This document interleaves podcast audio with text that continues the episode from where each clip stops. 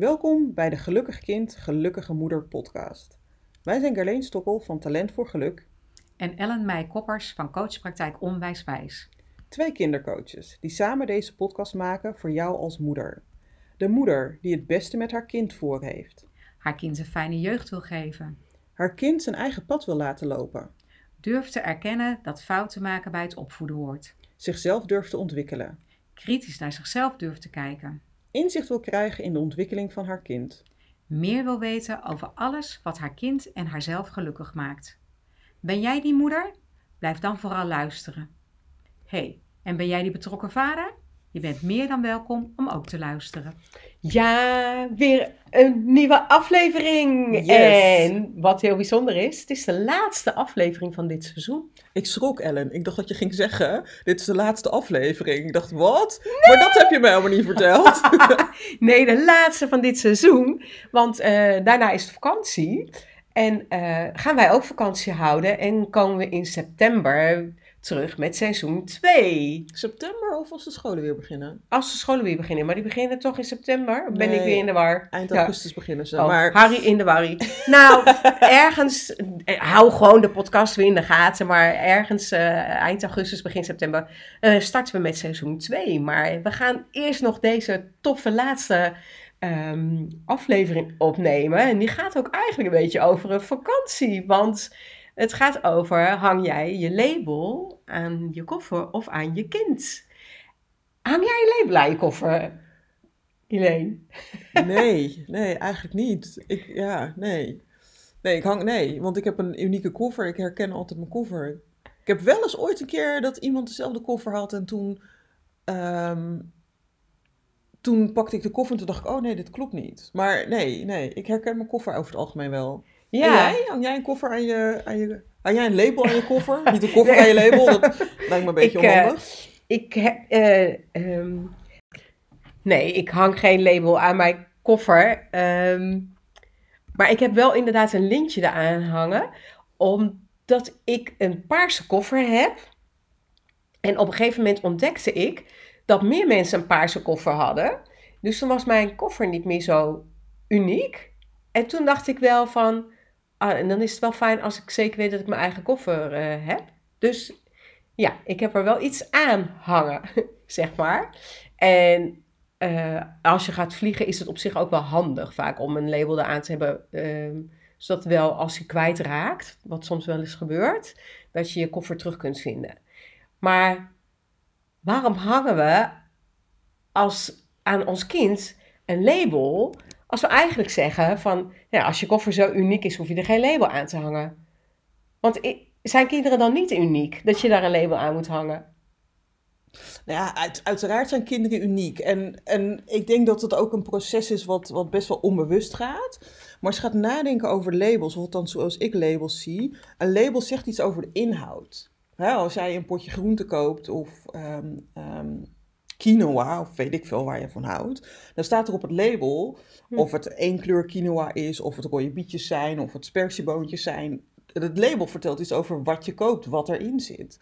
En ergens doen we dat ook met, en niet alleen met kinderen, maar ook zeker met kinderen en, en ook met, met andere mensen. Van, oh, hij is zo druk. Of, oh, zij is zo stil. Of, zij is zo verlegen. Dus eigenlijk, als je erover nadenkt, zijn het allemaal labels. En dat komt omdat er dan eigenlijk ook vaak een oordeel aan hangt. Zeker, ja. Want op zich, het label is in dat geval nog niet eens zo erg. Als je zegt van, ach, dat is een stil meisje. Dat, dat is gewoon een constatering ja. van het feit dat het een stil meisje is. Alleen wij zijn dan heel snel geneigd om daar een oordeel aan te hangen. In de zin van, dat is een stil meisje, dus ze zal het wel niet naar de zin hebben. Of, ze is te stil, weet je wel. Dan denk Ja. ja, maar wie, wie bepaalt wat te stil of, of voldoende stil is? Hè, ik vind die labels vaak ook zo'n hokje. En wat ik, daar, wat ik daar persoonlijk lastig aan vind, is dat op het moment dat je in zo'n hokje bent geplaatst, of als je iemand anders in zo'n hokje plaatst, in hoeverre kan je dan nog je eigen unieke zelf zijn? Want eigenlijk is zo'n zo'n label is eigenlijk een beetje een filter waardoor de ander naar jou kijkt. En ziet de ander jou nog wel voor wie je daadwerkelijk bent? En zie je jezelf nog wel Ja. voor wie je bent. Want als, als er maar vaak genoeg tegen jou gezegd wordt: Ach, jij bent wel echt een stil meisje. Dan ga je op een gegeven moment zelf ook geloven en voelen dat je een stil meisje bent. En misschien ga je zelfs wel aan die verwachtingen voldoen. Nou ja, zo, absoluut. Dat is denk ik ook de reden waarom we zo graag met kinderen werken. Omdat, ja, dan zijn die overtuigingen pas vers en dan kunnen we er nog veel mee doen.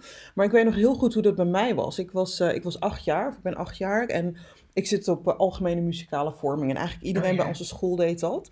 En het ging vooral over zingen en, en de blokfluit bespelen. Maar gewoon dat je ja, muzikaal onderlegd wordt. Dat duurt dan twee jaar en daarna kies je een vervolginstrument. En mijn, ehm, mijn toenmalige muziekleraar, nou, we hebben het echt over 30 plus jaar geleden. Hij heet Michiel, dat weet ik nog steeds. En ehm, hij vond dat ik niet kon zingen. Dus hij, ehm, eh, eh, dat, hij, kon geen toonhoogte houden. Kon, ik zong uit- uit, de maat. En ik weet niet wat er allemaal nog meer mis was met me. Maar hij vond me in ieder geval heel amuzikaal. En hij bedoelde het heel goed, want hij heeft heel veel extra tijd in mij gestoken om dat een soort van Oké. recht te trekken, eh, te corrigeren. En, hè, maar dat, dat label wat ik van hem kreeg, zorgde er wel voor dat ik een oordeel over mezelf had. En mezelf in het hokje plaatsen van ik kan niet zingen en ik ben niet muzikaal. Dus ik heb na zeg maar, die twee jaar algemene muzikale vorming ook nooit meer gezongen. Ik heb er ook nul plezier in zingen, omdat ik gewoon dat label kreeg. Ja. Dus dat heeft best wel een impact op je zelfbeeld en je zelfvertrouwen.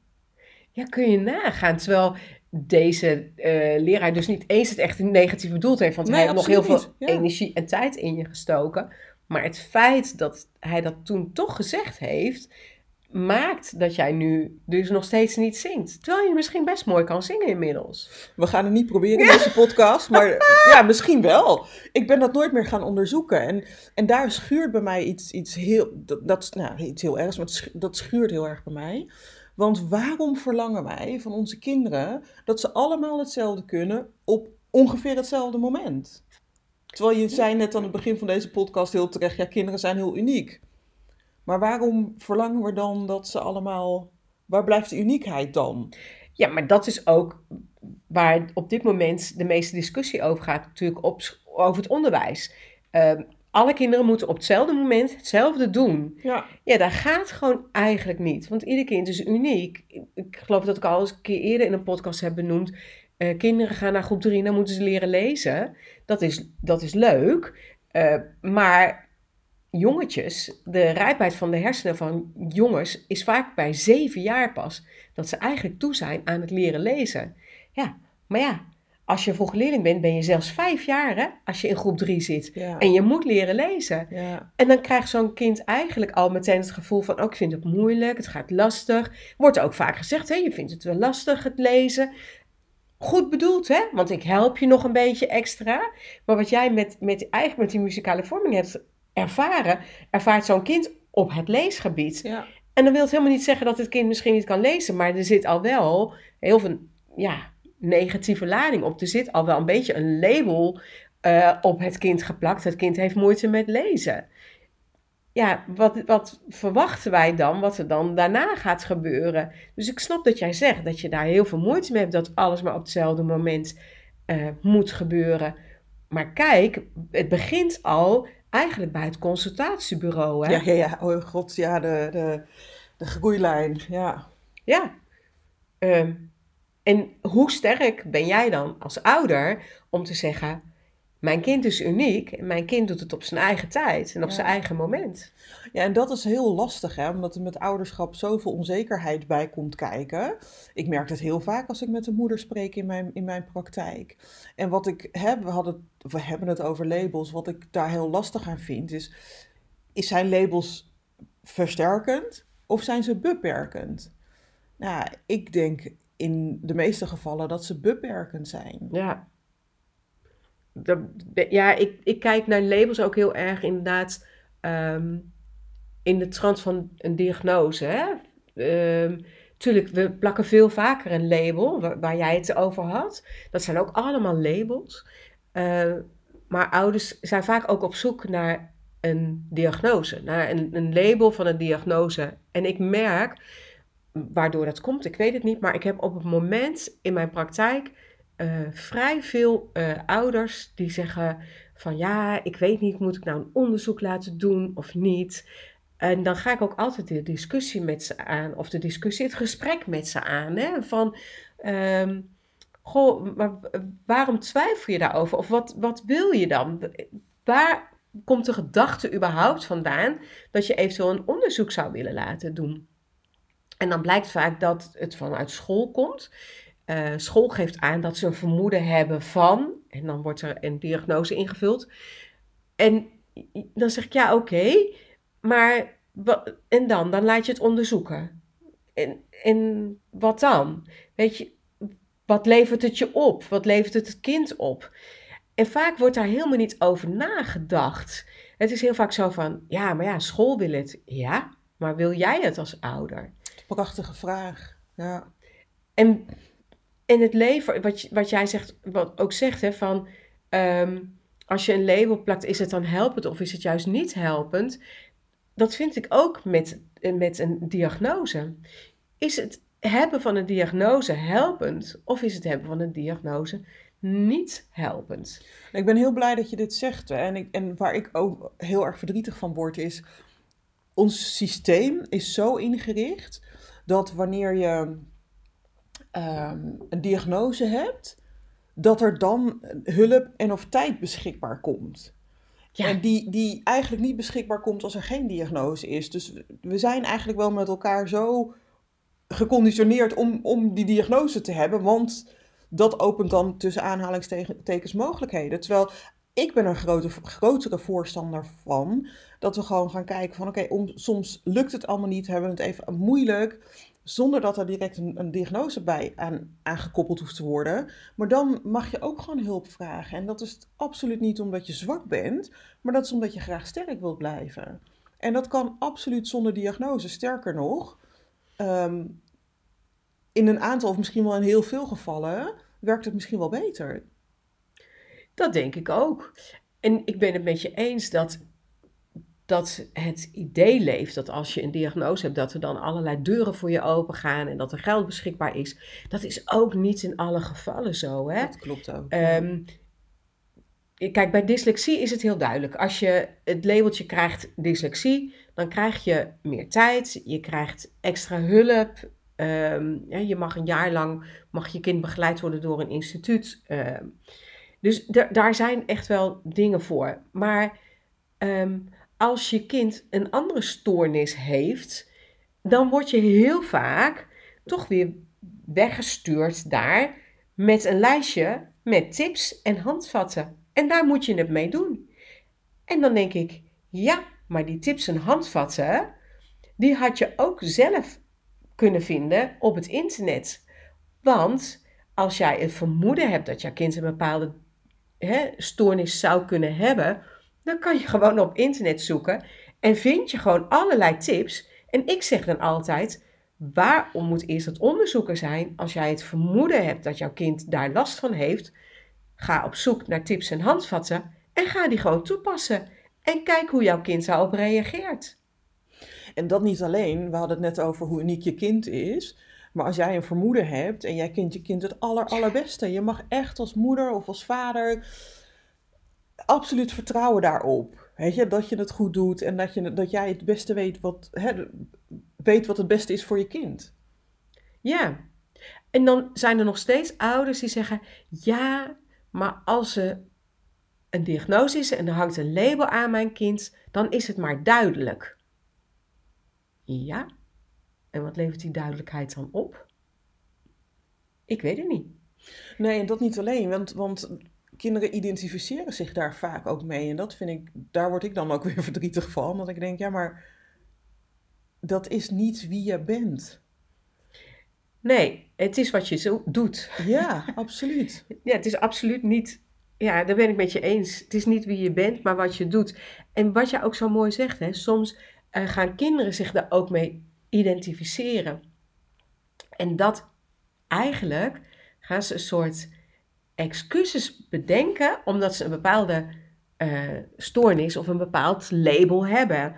Want ik weet wel, weet je, er zijn kinderen die, die, die denken dan van, oh, maar ik heb dat. En dan eh, wordt er gevraagd, hé, hey, je hebt je huiswerk niet gemaakt.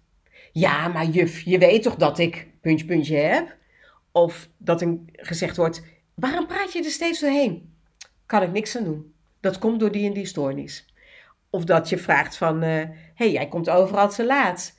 Ja, uh, dat is nou eenmaal zo. En uh, dat komt daar en daardoor. En daar kan ik niks aan doen. Terwijl ik denk, als je dat dus als excuus gebruikt, dan gaat het ook nooit beter worden. Nee, dankjewel dat je dit zegt, Ellen. Want inderdaad, een diagnose kan ons soms hulpelozer maken. we denken dat het, dat het beter is, omdat we dan die duidelijkheid hebben.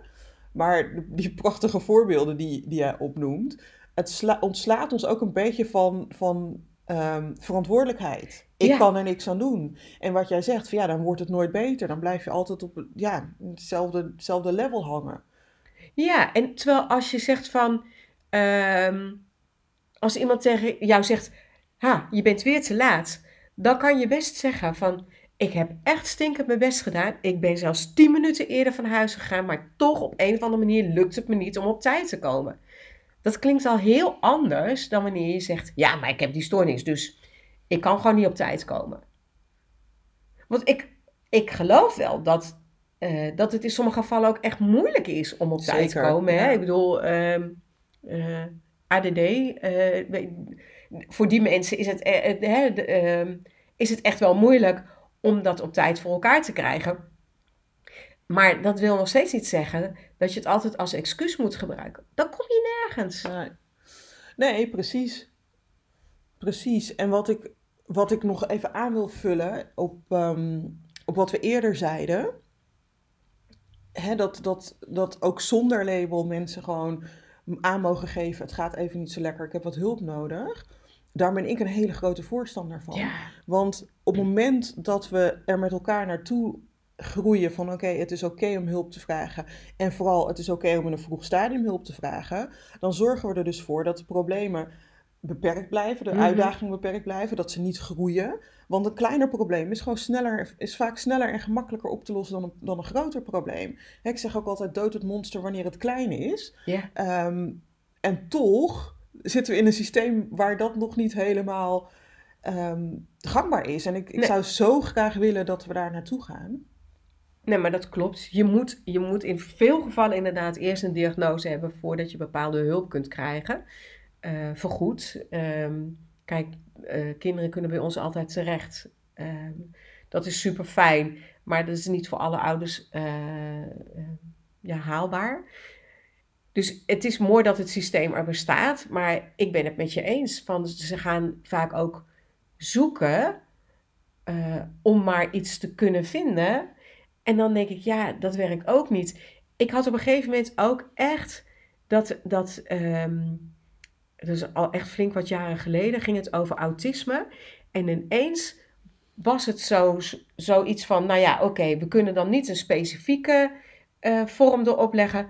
Nou, dan, dan noemen we het maar, uh, hoe noemden ze dat? Een ik, oh, dan ben ik het kwijt. Dat je een soort van aanverwant iets had aan.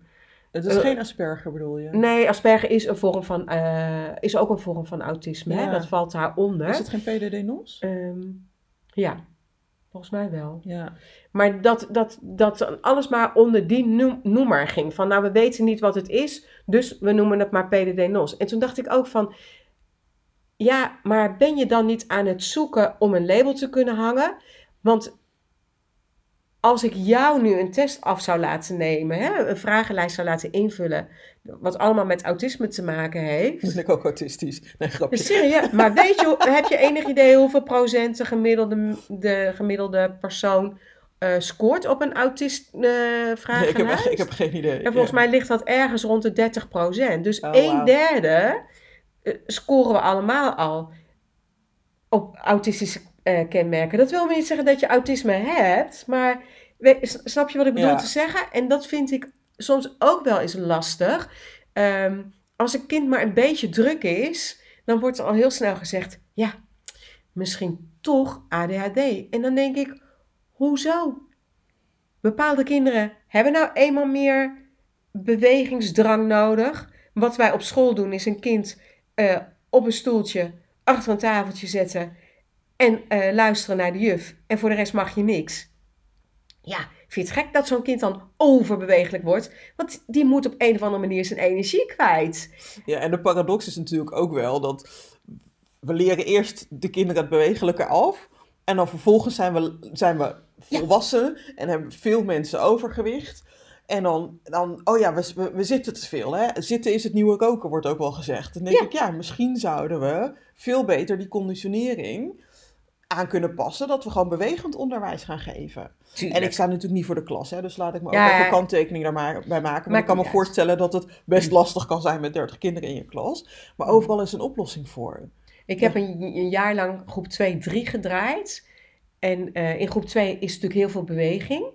Eh, en in groep 3 gaan ze eh, is een eigenlijk... bijzondere combinatie ook. Dat is Ja, niet heel gewe- vaak. nee, geweldig vond ik het. Ja, dat snap ik. Ja. Want je kon juist, die groep 3, nou, die heeft echt, die, die kon aan het einde van groep 3 prima lezen, prima rekenen. En die hebben toch ook heel veel kunnen spelen. ja, En ook heel veel in beweging mogen eh, ervaren. ja. Ik vond het een geweldige combi. ja, dat kan ik me heel goed voorstellen. En dat is natuurlijk de, de, de truc, is om de kinderen van groep 3 eigenlijk het soort onderwijs te geven van de kinderen van groep 2 en niet andersom. Dat je de kinderen van groep 2 al heel veel weer aan het tafeltje laat zitten, omdat ze mee moeten met die groep 3 bewijzen van. Dat is natuurlijk wel de valkuil, heel hè? bijzonder. En ik vind het ook heel mooi als combinatie. En nogmaals, ik kom natuurlijk niet uit het onderwijs. Maar denk ik, hoe mooi bereid je groep 2 voor op groep 3? Omdat ze het echt al van dichtbij hebben meegemaakt. Ja. Terwijl voor veel kinderen is de overgang best wel, eh, best wel een pittige. Ja, en veel kinderen eh, vinden het lastig inderdaad om de hele dag stil te moeten zitten. Of een groot deel van de dag, want ze zitten natuurlijk niet de hele dag stil. Maar wel een groot deel van de dag. En voor de kinderen die ehm, het label hebben, eh, slimme kinderen. Want dat is ook een labeltje Zeker wat we ze label, geven. Ja, ehm, valt groep 3 vaak heel erg tegen. Want die denken dan, ah, ik ga naar groep 3, ik ga eindelijk leren. En dan moeten ze, worden ze meegenomen aan de hand. En dan moeten ze de lettertjes leren en dan eh, de eerste woordjes. En dan kun je wel zeggen, ja, maar als ze al wel een beetje kunnen lezen, dan kunnen ze verder instappen. Maar dat is niet waar, want ze moeten een behoorlijk stuk al kunnen lezen. Willen ze instappen, dus moeten ze toch weer meedoen met de klas. dat staat En dan is dat labeltje eigenlijk, dan zou, is het helemaal niet eens helpend. Want je zou dan moeten denken, oh, maar dat is een, een, een slim kind, die kan al meer aan, want die kan al woorden lezen. Die zou op een ander programma gezet moeten worden. Maar dat is dan weer niet mogelijk in ons onderwijssysteem, omdat je hebt de kinderen die beginnen met lezen en je hebt een groep kinderen die al kunnen lezen. En waar blijft dan dat kind wat al wel heel veel, wat alle letters al kent, wat ook al woorden kan lezen, maar nog niet de snelheid heeft om in dat volgende programma mee te kunnen. Nou, dat is wel waar en mooi dat je het zegt. Ik merk het vaak als ik een brugklas, brugklastraining geef in groep 8. Dat de kinderen zeggen, oh, kijk wel echt uit naar de brugklas. Want dan zit ik bij alleen maar kinderen van hetzelfde niveau. Ja. Weet je, en dat, dat verschil heb je natuurlijk in het basisonderwijs. Dat, dat kan nogal eens uiteenlopen. Ja, het kan enorm uiteenlopen. Dat klopt. Ja. Maar dus da daar eigenlijk, ik zit ik nu te bedenken, daar begint het natuurlijk al een beetje met het labelen ook in het onderwijs bij, bij, de, bij de kleuters. Ja, Ehm, van, oh, maar die is, die, die is wel wat slimmer, die kan wat meer aan. En, ehm, en dan is het eigenlijk helpend, want dan blijf je heel erg alert op, oké, waar staat dit kind in En zijn wat ontwikkeling? Wat Ja. heeft het nodig? En dan komt het in groep drie en dan wordt dat eigenlijk weer een soort van weggevaagd. En gaat iedereen weer, dan mag je eigenlijk niet meer uniek zijn, want dan gaat ieder kind krijgt hetzelfde. Weet je wat ik me ook ineens afvraag? Dat eh, nu wij met, met elkaar in dit gesprek zijn. We hadden het net ook heel even over dat consultatiebureau en over Ja. groep 3, et cetera. Maar dat labelen, is dat ook niet een gevolg van vergelijken? Hè, want als je dan bij het Mhm. consultatiebureau komt en je kind is boven de groeilijn of eronder, weet je, dan dan word je dus eigenlijk vergeleken met het gemiddelde. Nou, wie is nou helemaal precies het gemiddelde? Nou, als je de normaalcurve zou, zou bekijken, dan heb je altijd 20% wat eronder zit en 20% wat erboven zit. Mhm. Dus je hebt altijd uitzonderingen op de gemiddelde. Maar op het moment dat we gaan vergelijken, dan, dan komen volgens mij die labels. Van dit zou het kind moeten kunnen, volgens de tussen aanhalingstekens norm, wie dat dan ook maar bedacht heeft. En dan is er dus of iets mis met het kind, als het dan te druk is. Oh, dat kind is te druk, dus dat zal wel ADHD. Dan beginnen die labels. Terwijl als we zouden stoppen met dat vergelijken. In hoeverre, dat is even een overdenking van mij in het moment. In hoeverre zouden we, zouden we dan nog labelen? En Dan ik weet zouden we alleen maar labelen op de daadwerkelijke inhoud. Ja. En. Doppertjes zitten erin. Ja, Dus dan zouden we labelen eh, enthousiasme bij jou bijvoorbeeld, gedrevenheid. Dus dan ga je labelen op de mooie talenten en kenmerken die een persoon heeft. En ik vind het heel mooi. Een paar, een paar maanden geleden gaf ik een lezing.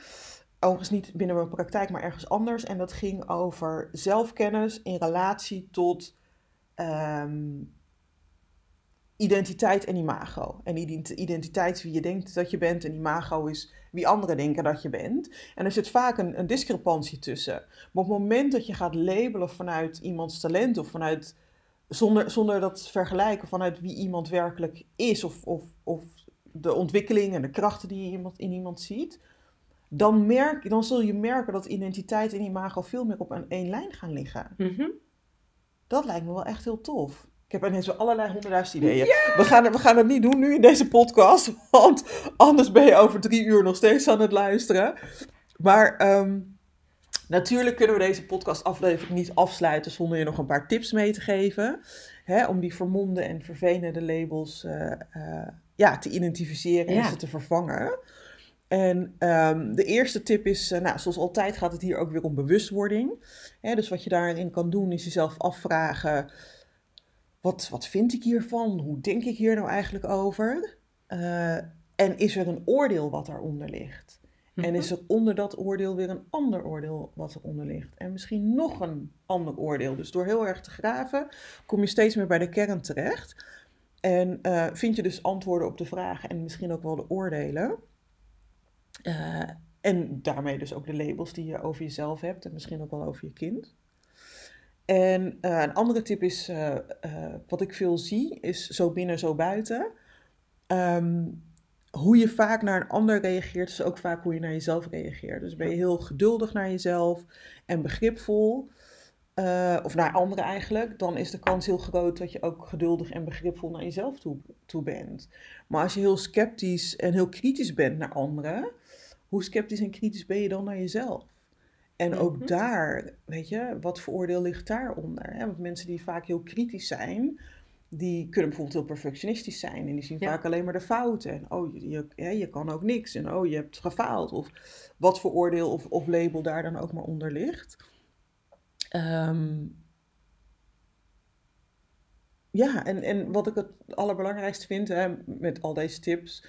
Het gaat niet van de ene op de andere dag over. Hè. Op het moment dat je bewustwording heb- hebt, dan ga je het zien, dan ga je het herkennen. Dan ga je misschien heel erg gefrustreerd zijn. Dat hoort er allemaal bij. Want je bent bezig om de dingen die jou niet helpen los te laten.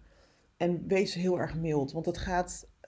Blijf, blijf volhardend. Ja. En vooral ook mild, want hoe meer je dat doet, hoe beter het zal gaan om het los te laten. Ja. En eh, de derde tip is: vind hulp. Bij Ellen of bij mij, of bij iemand anders die je vertrouwt en waarvan je het gevoel hebt: hé, hey, die kan mij verder helpen, die kan mij eh, helpen om het probleem eh, op te lossen. En natuurlijk kan je het ook altijd alleen doen. Hè? Je, je gaf het eerder al even aan, Ellen. Het hele internet staat- staat bol van tips en inspiratie en informatie. Kan je allemaal gratis krijgen. Alleen waar je voor betaalt bij een coach is vaak de implementatie en de integratie. Absoluut. Iemand die jou helpt om het te doen. Eh, want als je het echt helemaal alleen kon, was het dan niet al gelukt. Ben ik helemaal met je eens. En ehm, in het laatste geval hebben we nog iets heel enorm leuks voor jou als moeder. Ja. En als betrokken vader, als je natuurlijk luistert. Tromgeroffel. Yes! Wij organiseren namelijk op woensdag 20 juli van 1 tot 5. Een label workshop. Yes. En Nou, daar- over dit onderwerp dus heel erg. Ja, precies. Weet je, je gaat dan leren eh, de je, je eigen labels te herkennen, maar ook de labels eh, eh, over je kind. Of, of, hè, het is trouwens een workshop met ouders en Ja. kinderen. Ehm, waarin je naar huis gaat met vaardigheden en kennis om de labels te vervangen. in iets wat versterkend is in plaats van beperkend. Zodat je meer inzicht krijgt in jezelf en je kind. Maar dat je kind ook meer inzicht in zichzelf krijgt en daardoor meer zelfvertrouwen. Ehm, En veel plezier met elkaar krijgt daardoor. Hoe kan ik dat nou vergeten? Dat is Ja. natuurlijk het allerbelangrijkste, ja, want plezier als je maken. plezier Ja. hebt met elkaar, gaat het allemaal veel makkelijker eh, Zeker weten. thuis. Ja. En ehm, deze workshop, eh, omdat het de laatste, onze laatste aflevering van het seizoen is, eh, gaan we deze echt voor een te gekke prijs weggeven. Eigenlijk kan het niet, eh Nee, dat wat we doen. ja, maar we Eh. doen het toch. Omdat wij jou als lezer ook... Of lezer? Je Luisteraar. luistert. als luisteraar, we willen jou bedanken dat je gewoon trouw luistert naar onze podcast. En Ja. daarom hebben we het volgende bedacht. Normaal gesproken kost eh, deze workshop van eh, vier uur is die. eh, 175 euro per persoon. Eh, je betaalt dus voor jezelf en eh, voor je kind of kinderen ehm, dit bedrag. Maar nu niet voor 175 euro, maar voor... 25 euro.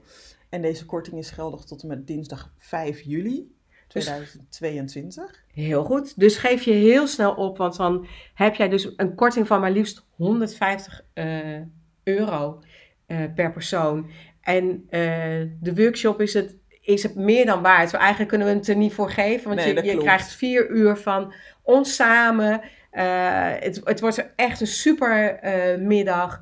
Waarbij je, wat Guilaine al aangegeven heeft, gewoon mooie dingen gaat leren over jezelf, over je kind. En je kind ook over zichzelf en over ja, hoe alles werkt. Dus ik zou zeggen, schrijf je meteen in. Want hoe eerder je inschrijft, hoe beter. eh, Ja, dat vooral, want er kunnen maar 16 mensen meedoen. Ja, Dus als je nummer 17 bent, dan, eh, dan spijt het ons. Dan kan je niet meer meedoen.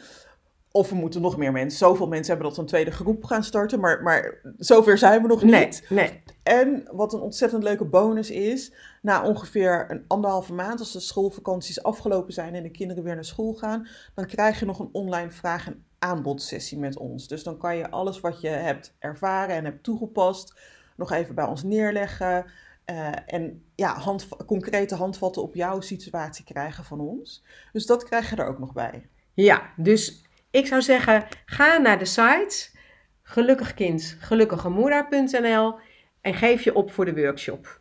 Je kunt trouwens ook bij ons afzonderlijk eh, op de mm, website denk ik vinden. Zeker weten. Ja, oké. En tot, eh, ja, hopelijk tot de 20ste, tot de Dus workshop, 20 juli. ontzettend fijn om jullie En- te ontmoeten. In ieder geval tot het nieuwe seizoen. Yes, hele fijne zomervakantie.